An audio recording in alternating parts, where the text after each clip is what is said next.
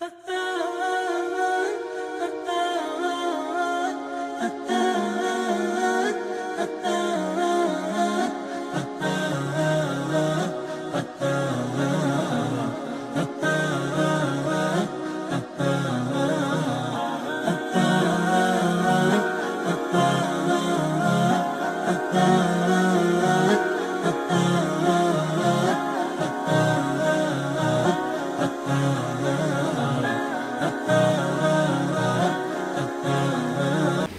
الحمد لله رب العالمين وأفضل الصلاة وأتم التسليم على نبينا محمد وعلى آله وصحبه أجمعين. اللهم علمنا ما ينفعنا وانفعنا بما علمتنا وزدنا علما يا كريم. اللهم رب اشرح لي صدري ويسر لي أمري واحلل عقدة من لساني يفقه قولي وبعد.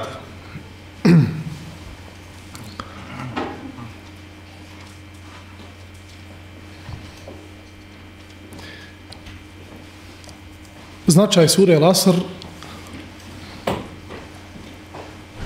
je velik, a o tome nam najbolje govore ashabi Allahov poslanika, alaihi salatu wasalam. Jer su oni najbolje razumjeli vjeru iz razloga što su je učili pred najboljim učiteljem čovječanstva. Muhammedom sallallahu alaihi wasallam, koga je Allah želešanuhu odabrao da bude posljednji poslanik, podučavao ga subhanahu wa ta'ala putem meleka Emina, Džibrila, alaihi salam, i ta prva generacija muslimana je shvatila ogromno značenje i težinu sure El Asr do te mjere da nikada se ne bi rastavljali kada bi bili na, na putovanju, kada bi se družili, kada bi išli jednim putem zajedno i žele da se rastanu prije nego bi jedan drugom nazvali zadnji selam, proučili bi jedan drugome sure Lasr.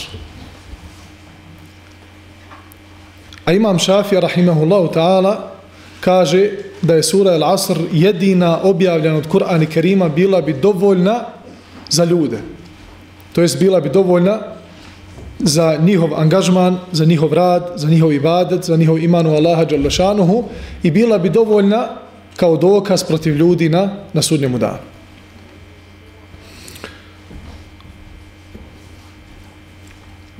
Počevši sa drugim dijelom naše treće četvrne, četvrtine predavanja, govorit ćemo o haku, o istini. Od koga je istina, kako je razumjeti i šta je istina. Kaže Allah subhanahu wa ta'ala وَقُلِ الْحَقُّ مِنْ رَبِّكُمْ I recite, istina dolazi od vašeg gospodara.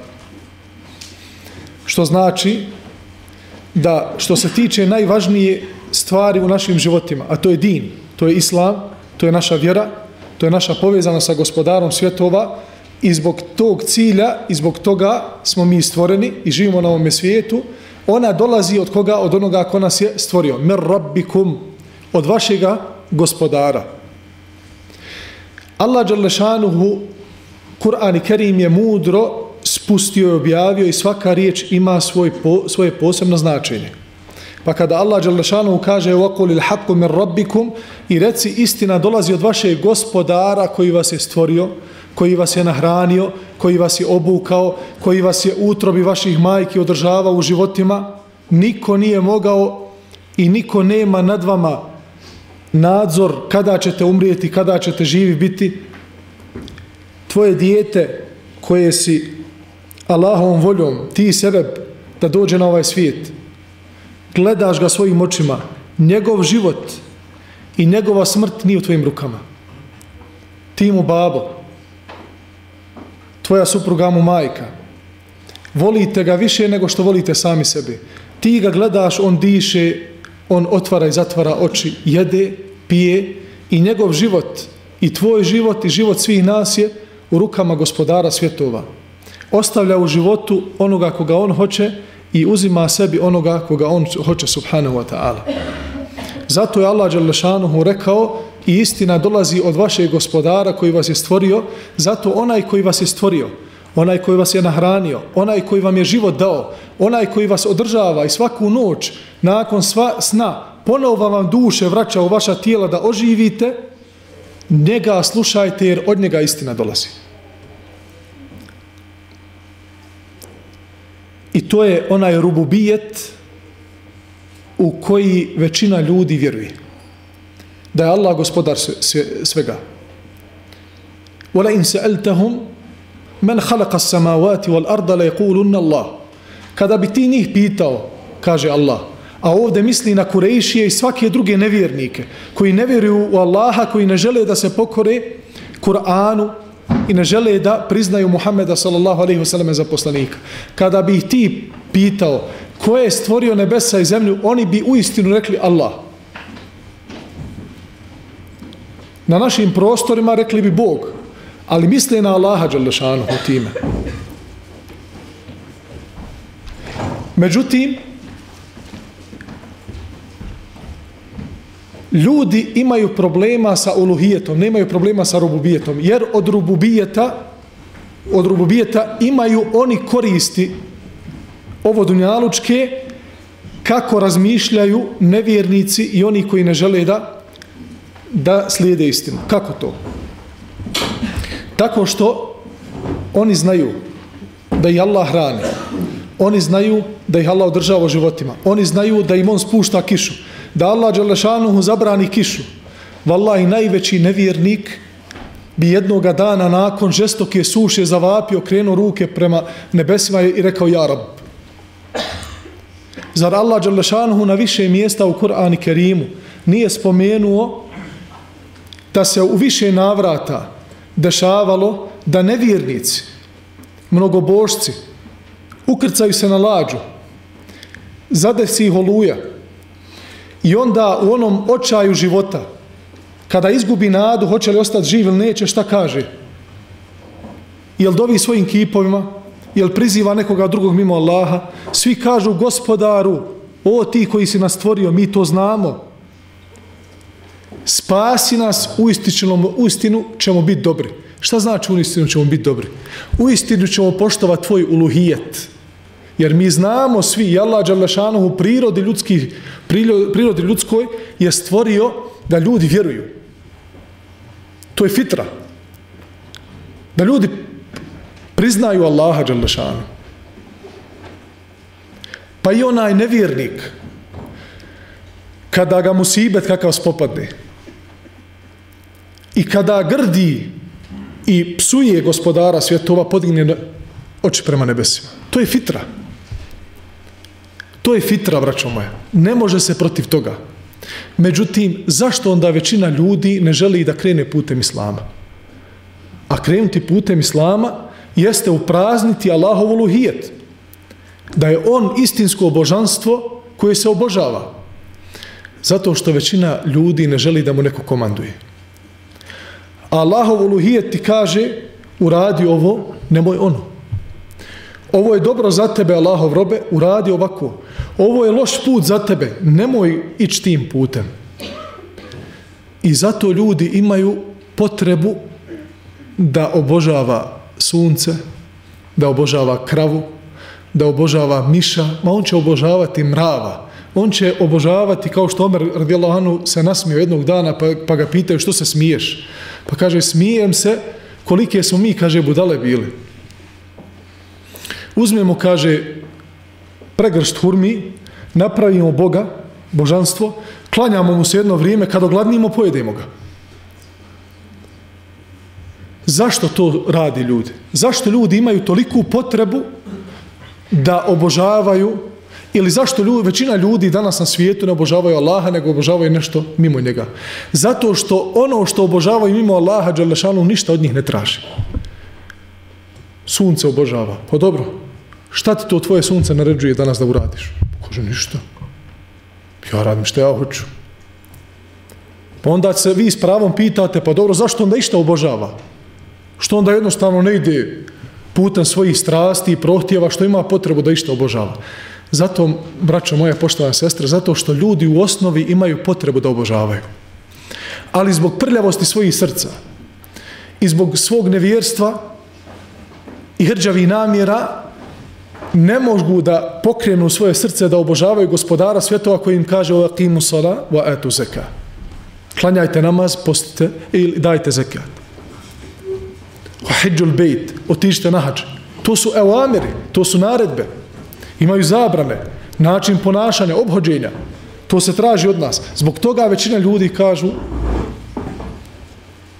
zašto su se mušrici toliko borili protiv našeg poslanika kada im je rekao ne tražim od vas osim da kažete la ilaha illa Allah nema istinskog božanstva mimo Allaha ne gospodara. Jer da je poslanik njima rekao recite nema drugog gospodara osim Allaha. Ehlenu sehlen. Bujrum prelijepa je ta tvoja vjera koju ti nudiš.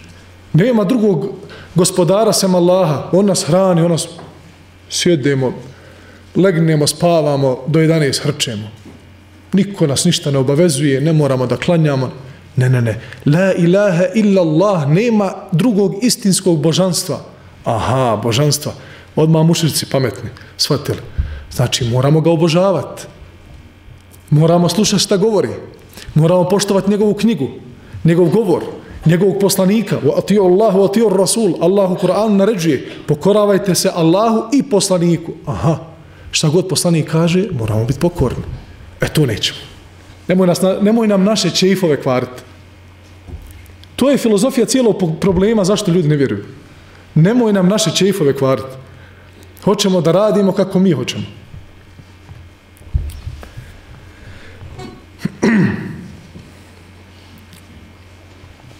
Pa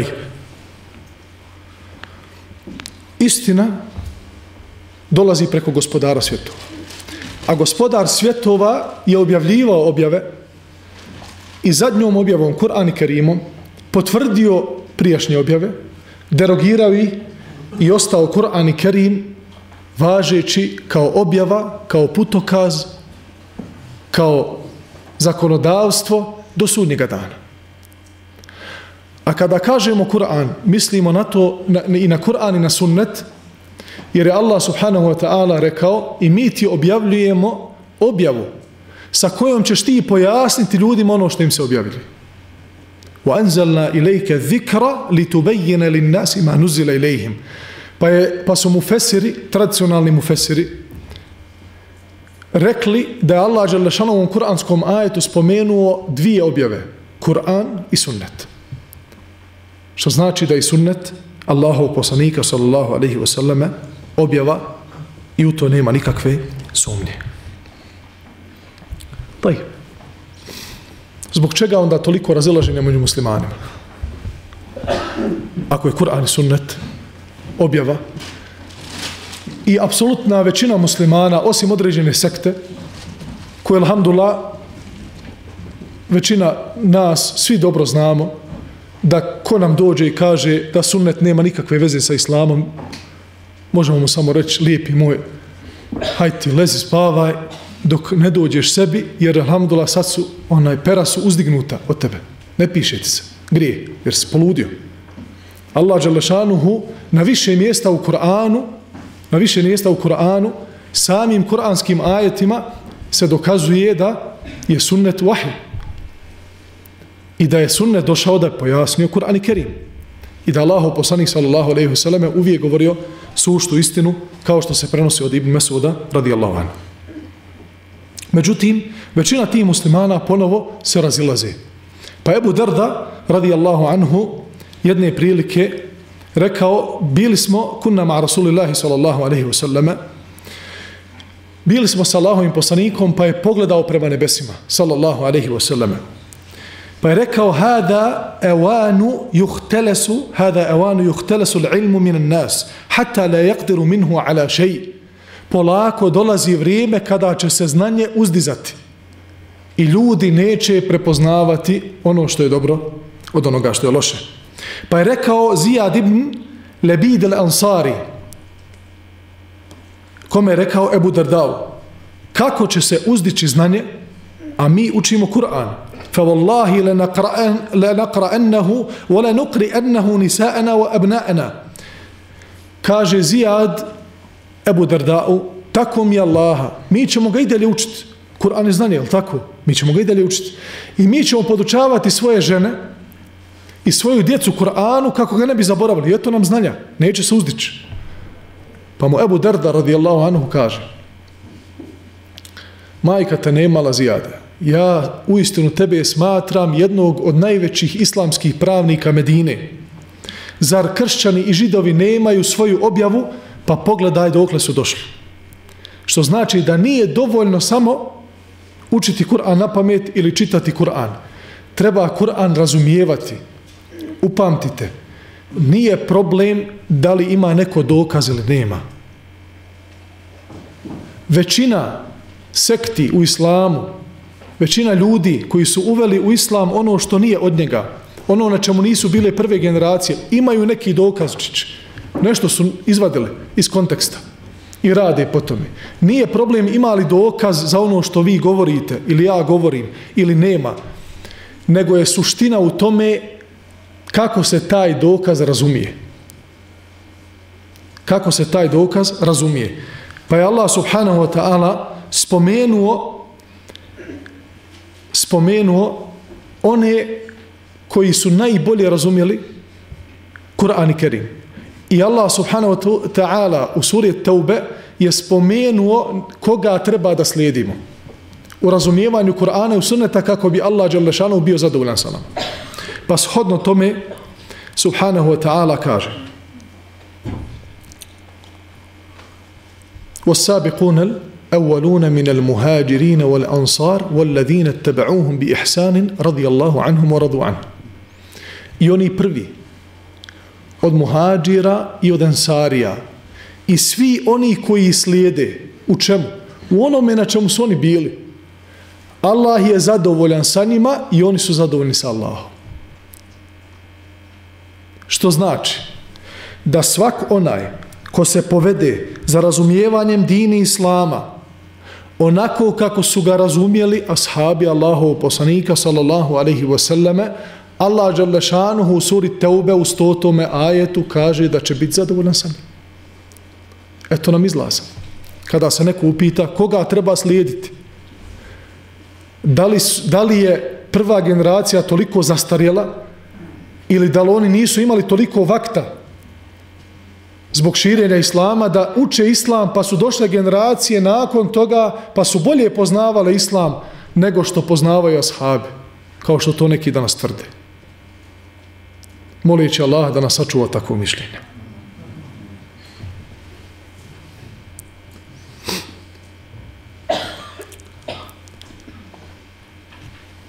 I kada je Zijad otišao zbunjen od Ebu Darda, ne znaš, dobro, Kur'an je, imamo znanje, kad će nestat, kako će nestat, sreo je koga? Sreo je Džubeira, radijalanu. Pa kaže, znaš li šta tvoj e, sreo Ubadu bin Samita, kaže, pa mu je rekao, znaš li šta tvoj brat Ebu Drda kaže? Pa kaže, šta kaže? Kaže da će, da je Allah poslanik rekao da će uskoro nestati znanje i spomenuje ovo za kršćane i židove, pa mu je ovaj to potvrdio, kaže, sadaka Ebu Darda, istinu je rekao Ebu Darda, in ši'te le uhaddithannaka bi evoli ilmin yurfa' minan nas, ako želiš, mogu ti sada spomenuti prvo znanje koje će biti uzdignuto od ljudi. Pa ovo rekao, pa koje je to znanje? Kaže, skrušenost. Pogledaj, kaže, otiđi u džamije i vidjet ćeš da ćeš rijetko vidjeti koga da je skrušao namazu. Ashabi su smatrali skrušenost u namazu dijelom znanja.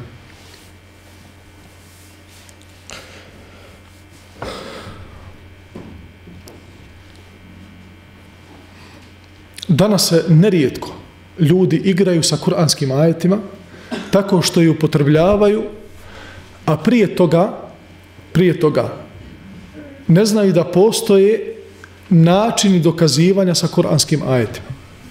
Da postoje osnove tefsira, da postoje usuli, da postoji način, da postoje ajeti koji su derogirani, derogire, derogirajući, da trebaš sve ajete sastaviti u jednoj tematici, pogledati u sunnet, vjerodostojni, u hadisa koji su mutavatiri,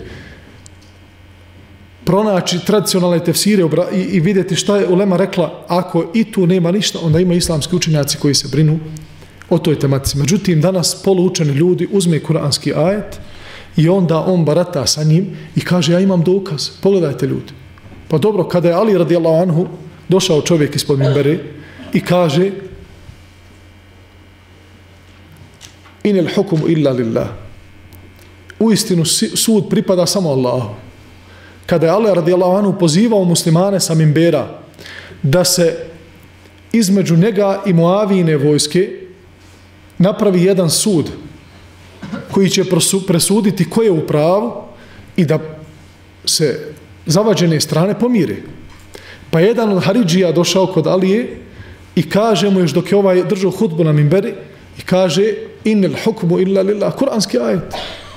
Sud pripada samo Allahu. Kako ćeš ti da odrediš nekoga mimo Allaha da bude sudija među, među vama? Pa mu je Alija sa Mimberi rekao, to je govor istine sa kojom ti želiš laž.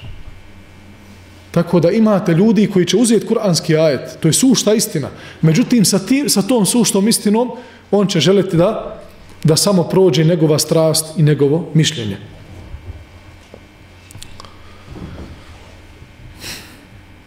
Kaže Ibn Abbas, radi Allahu anhu, Kur'an se može, se razumije, Kur'an se razumije na četiri načina. To jest, postoje četiri stupnja razumijevanja Kur'ana. Imamo prvi stupanj koji razumiju oni koji poznavaju arapski jezik. Koji dobro poznavaju arapski jezik. Razumiju taj dio Kur'ana. Jer u tom dijelu Kur'ana postoje gramatičke, lingvističke stvari koje ako ne poznaje dobro osoba, pogrešno će razumjeti kuranski ajet. Drugi stupanj je dio Kur'ana koji moraju svi da shvate. I nema niko opravdanje da ga ne shvati. Kada Allah Đelešanu, na primjer, kaže obavljajte namaz. Svak onaj ko čuje ovaj kuranski ajet zna da Allah Đelešanu im naređuje, naređuje namaz. Treći stupa razumijevanja Kur'ana je onaj dio Kur'ana koji razumije samo ulema i ima četvrti dio Kur'ana koji razumije samo Allah Đalešanu. Šta znači Elif Lam Ra? Šta znači Elif Lam Mim? Šta znači Qaf? Allah Đalešanu mudri zna značenje ovih dijelova ajeta.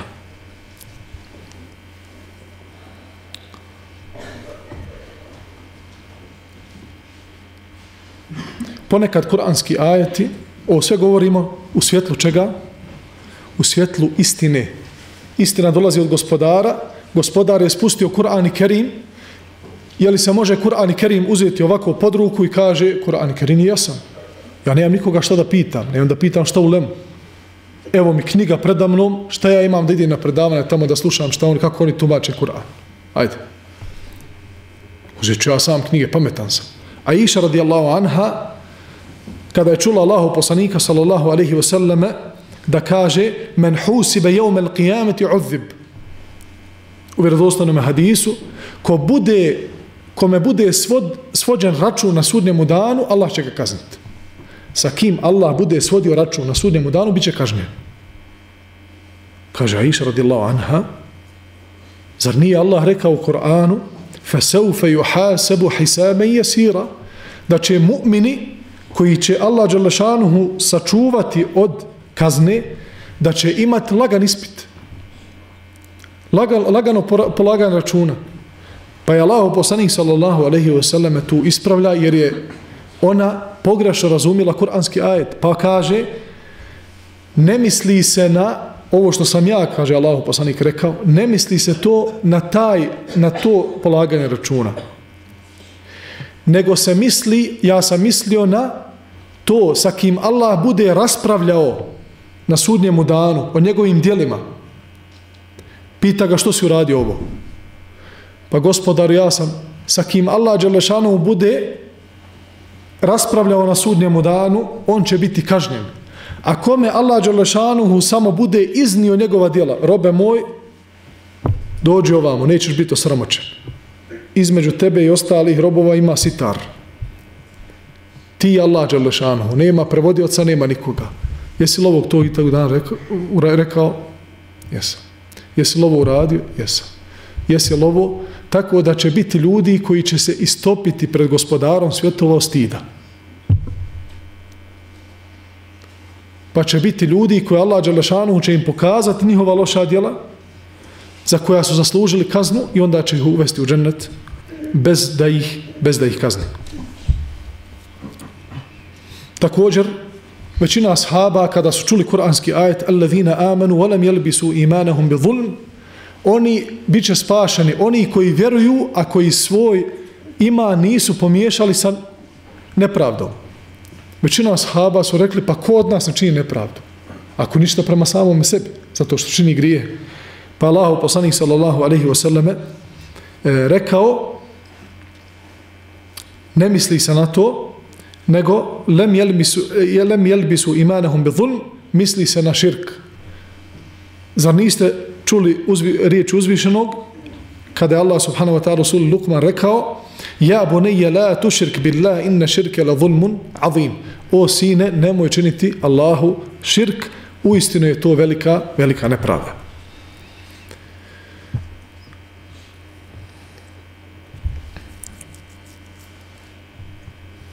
طيب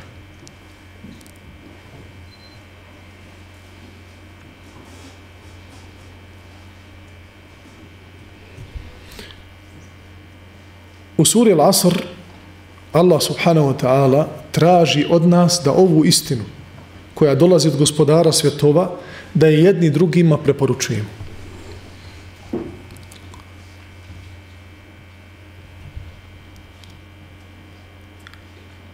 Međutim, ovde moramo znati kako prepoznati istinu od neistine.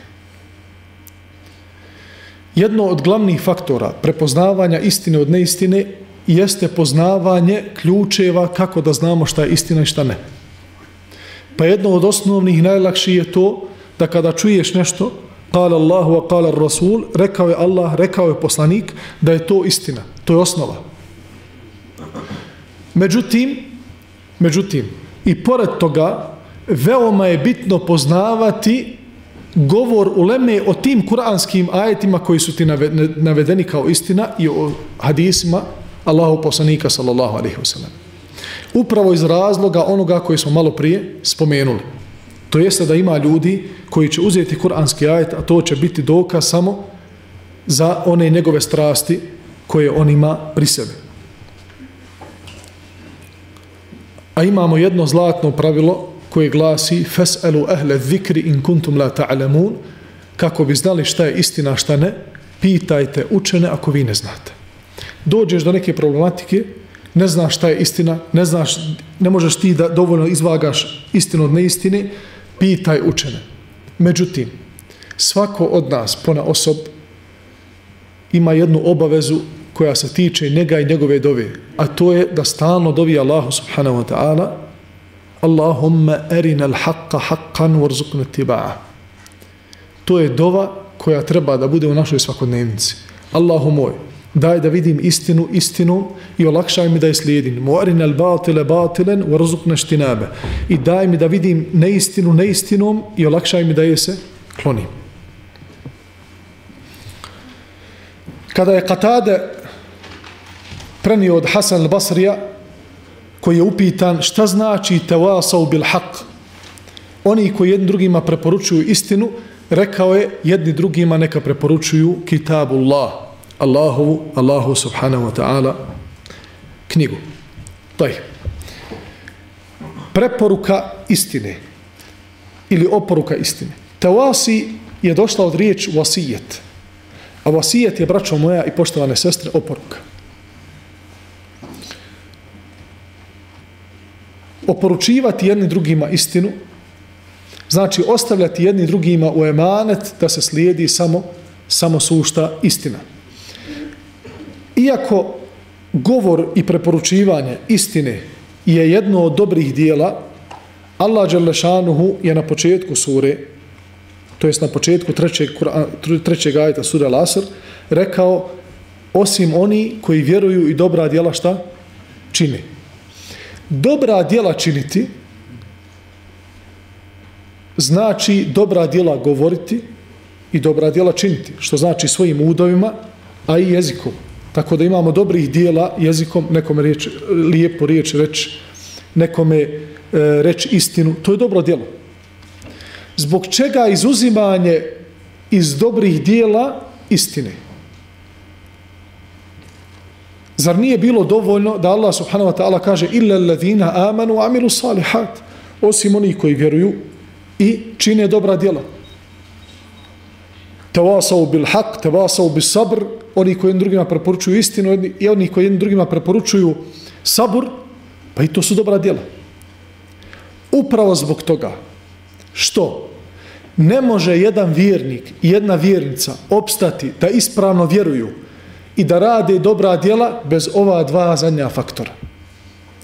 Iako su ova dva zadnja faktora koja su izuzeta, oporučivanje istine i preporučivanje sabura i strpljenja, ubrajaju se, ulaze u dobra djela, Allah je izuzeo i htio je ovim da nam kaže, o vi koji vjerujete, o muslimane, nećete istinski vjerovat i ustrajati na tome, niti ćete istinski raditi dobra djela i na tome ustrajati sve dok ne budete jedni drugima preporučivali istinu i sve dok jedni drugima ne budete preporučivali strpljenje. Jer bez preporuke istine jedni drugima zaboravit ćemo na tu istinu. Čovjek ako je prepušten sam sebi, on će vremenom sebi početi da ugađa. Ponekad neće ugađati samom sebi, ali će biti zapušten poput čovjeka koji nema ogledala u kući. Nema na šta se ogleda. Može li da vidi svoju mahanu? Može li da vidi čupera koji mu je izašao iz frizure? Može li ponekad da, da vidi mrlju na licu? Ne može. Zbog toga je tu svako jutro i svaki dan ogledalo da se ogledaš, da vidiš da li imaš nešto nesređeno na sebi. Je tako? Da bi to popravio. E tako je preporučivanje istine muslimana jedni drugima. Da jednostavno, kada ja vidim brata muslimana, da je u nečemu pogriješio, da ima neku ružnu osobinu, da mu nešto fali od ahlaka, da pristupim slučaju zvanom ogledalo. Da ja budem njegovo ogledalo. A ogledalo šuti, ne iznosi sramote drugima. Tako, jeste kad čuli da ogledalo došao neko drugi, pa ogledalo reklo, ovo kaže onaj prije što je bio tebe, svakakav je bio raščupan ovakav. Ogledalo ispravlja samo onoga koji ispred, ispred njega. Iza leđa nikome ne govori. Tako? Onda ogledalo vidi i dobre naše osobine, to jest i onaj dio kose koji je počešljan, a i onaj koji je raščupan. Mi često možda, kada vidimo grešku kod insana, samo onaj čuperak gledamo. Ne vidimo ovaj drugi dio koji je fin. Što znači da vjernici su jedni drugima šta? Ogledalo kao što je došlo u hadisu kojeg, koji je dobar i kod taberanija je, znači čiji je lanas prenosilaca dobar i može se dokazati u ovom, u ovom kontekstu. Da je vjernik vjerniku ogledalo. Telasau bil haq, preporučivanje istine kako bi istina opstala među ljudima. Braćo moja, mi imamo jedan fenomen, 1400 i više godina, slijedženja jedne istine, jednog Kur'ana, jednog sunneta, jednog Islama, jedne monoteističke vjere. Zbog čega je došlo do toga? Zbog tevasa ubil haq, preporučivanja istine jednim drugima. I da nije dovoljno da bi se spasili propasti ovoga i budućega svijeta da samo obožavamo Allaha Đalešanu i da radimo ona dobra djela za koja mi mislimo namaz, post, zikr, učenje Kur'ana, to su dobra djela. Ali Allahov robe, ako želiš da slijediš suru Al-Asr, koja je obavezna kako bi se spasio propasti na ovome i u budućem svijetu, te wasau bil haq, slijedite istinu i preporučujte jednim drugima, te wasau bil sabr, preporučujte jednim drugima strpljenje, a o tome će, o strpljenju će biti govora u narodnom predavanju.